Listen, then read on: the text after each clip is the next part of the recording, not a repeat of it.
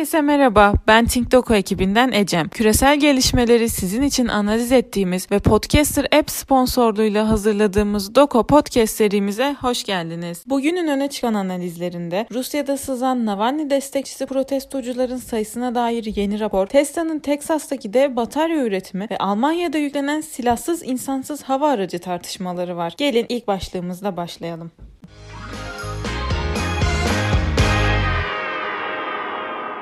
Meduza web sitesinin duyurduğu habere göre Rusya Federal Güvenlik Servisi'nin Rus muhalif Navalny'yi destekleyen yürüyüşler için yaptığı iç tahminler protestocu sayısının bilineninden çok daha fazla olduğunu gösteriyor. Rusya'da Navalny'nin serbest bırakılması için yapılan gösterilerde protestocu sayısı 10 bin olarak yansıtılırken Rusya Federal Güvenlik Servisi'nin iç raporunda 90 binden fazla insanın meydanlarda yer aldığı ortaya çıktı. Kremlin bu dezenformasyon hamlesiyle protestocuların gerçek sayısı sayısının neden gizlenildiği konusunda soru işaretlerine yol açtı. Raporda güvenlik servisinin karşı istihbarat biriminin ordu içerisinde Navalny'e verilen desteği ortadan kaldırması için görevlendirildiği de belirtiliyor. Navalny yanlısı yürüyüşlere 5 askerin katılımı ve protestoculara 10 askerin destek verdiğinin ortaya çıkmasından dolayı bu görevlendirmenin yapıldığı belirtiliyor. İç soruşturma başlatılacağının duyurulmasıyla beraber Navalny'nin YouTube paylaşımlarını izleyen askerlerin tüm aile üyelerinin üzerinde de denetleneceği bildirildi. Bunlarla birlikte Rusya'da güvenlik kurumları içerisinde gerilimin artmasıyla Kremlin'e karşı toplumda yükselecek bir güvensizlik beklentiler arasında. Aynı zamanda yükselecek bir politik risk.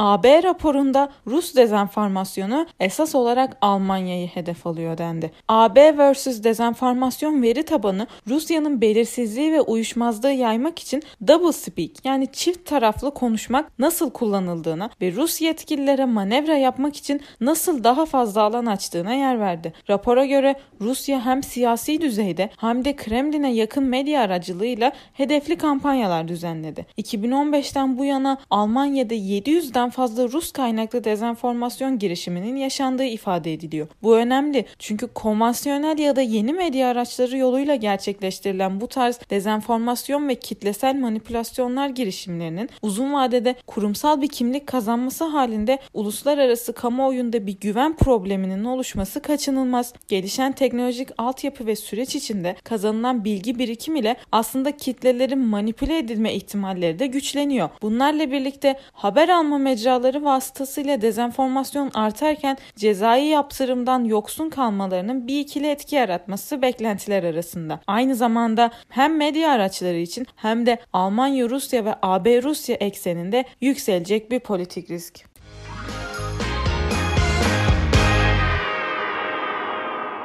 Tesla, Teksas'ta gizli işler peşinde. Tesla'ya bağlı bir şirketin Teksas'ta sessiz sedasız 100 megawatt depolayabilecek bir dev bataryanın üretimine devam ettiği bildirildi. Elektrikli araç teknolojilerinin esas itici unsuru olan batarya teknolojisi sık sık ham madde tedarikinin güçlüğüyle gündeme geliyor. Bununla birlikte elektrikli araç teknolojileri bize alternatif enerji hususunda da çeşitli kapılar aralamaya muktedir. Bilhassa batarya teknolojilerinin gelişmesiyle birlikte ilgili teknolojinin başta uçak ve gemiler olmak üzere diğer araçlarda da kullanılması fazlasıyla muhtemel. Bu durumun savunma sanayi, ulaştırma ve lojistik başta olmak üzere çok sayıda sektörü doğrudan etkileyeceği de aşikar. Peki bunlarla beklentiler neler? Öncelikle batarya teknolojilerinin ilerlemeye devam etmesi ve diğer araçlarda da kullanılmaya başlanması. Aynı zamanda batarya teknolojileri için elzem olan ham maddelerin stratejik öneminin artmasıyla yükselen politik risk.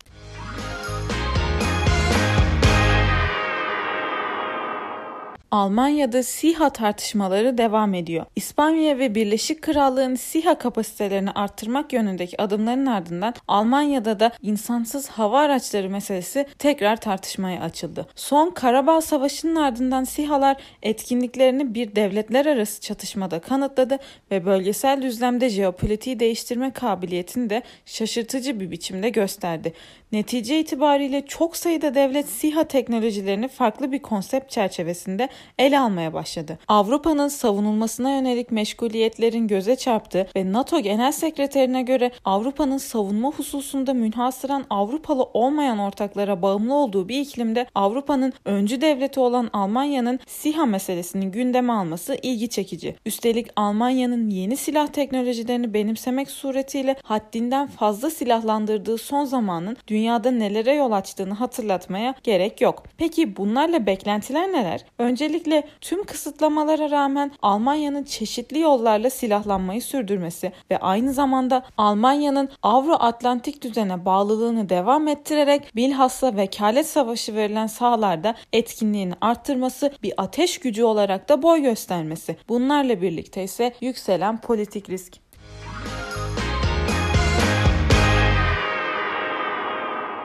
Suudi Arabistan Yemen krizinde ise Husilerin saldırıları krallığı tehdit etmeye devam ediyor. Husilerin Suudi Arabistan'a drone ve füze saldırıları devam ediyor. Son olarak pazar günü Yemen'deki Husi isyancılar Suudi Arabistan'ı hedef alan 14 drone ve 8 balistik füze ateşlendiğini söyledi.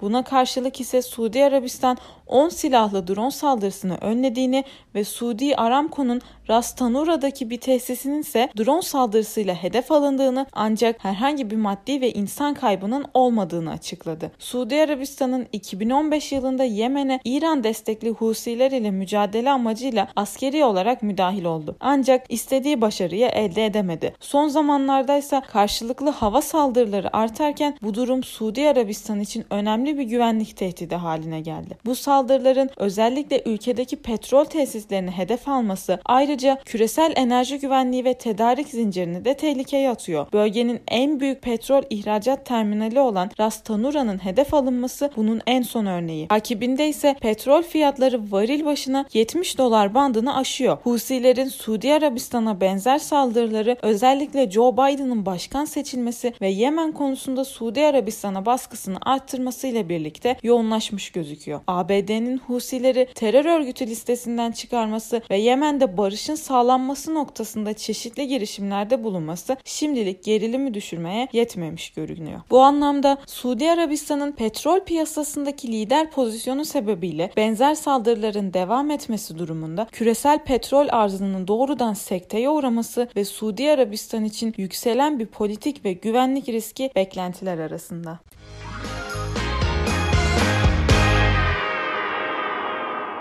Kripto ekonomi başlığında PayPal ve Curve var. PayPal kripto şirketi Curve'ü satın aldığını doğruladı. İsrail merkezli kripto şirketi Curve'ün PayPal'a devrini hükme bağlayan anlaşmanın pazartesi günü yapıldığı bildirildi. Bu önemli çünkü kurumsal alımlar kripto paraların yükselmesi hususundaki en önemli etkenlerden. Bilhassa Tesla'nın yaptığı beklenmedik Bitcoin alımının piyasalara olan etkisi herkesin malumu. Bununla birlikte Bitcoin'in hayatımızda kalıcı olmasını sağlayacak olan bu büyük kurumsal kurumsal alımlardan ziyade Bitcoin'in günlük alışverişler ile olan bağlantısı artacaktır. Durum böyleyken PayPal gibi bir firmanın kripto para piyasasının unsurlarını devralmaya çalışıyor olması ve nihayetinde ilgili bir firmayı devralması başta Bitcoin olmak üzere tüm kripto paralar için ümit verici. Bunlarla birlikte ise güçlenen kripto para piyasaları ve kripto para piyasalarına yönelik beklenen yaptırımların çeşitlenmesi beklentiler arasında. Aynı zamanda başta Bitcoin olmak üzere kripto paraların reel ekonomiye entegrasyonu hızlanması ve duran politik risk.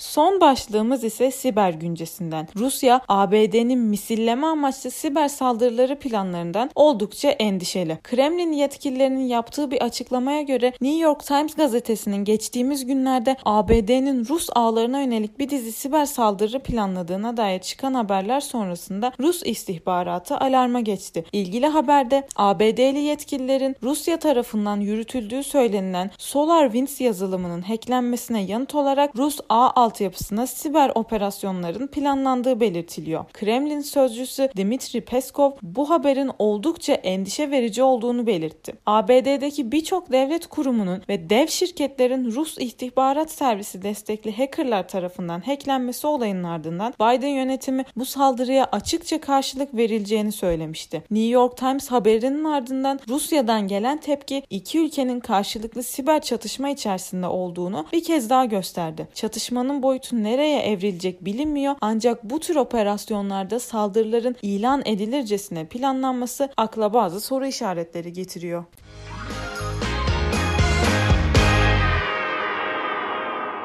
Bugünlük bültenimizin sonuna geldik. Beni dinlediğiniz için teşekkür ederim. Umarım siz de dinlerken benim kadar keyif almışsınızdır. Dünyayı anlamlandırmak için bültenlerimizi takip etmeyi unutmayın. Bir sonraki podcast'imizde görüşmek dileğiyle. Hoşçakalın.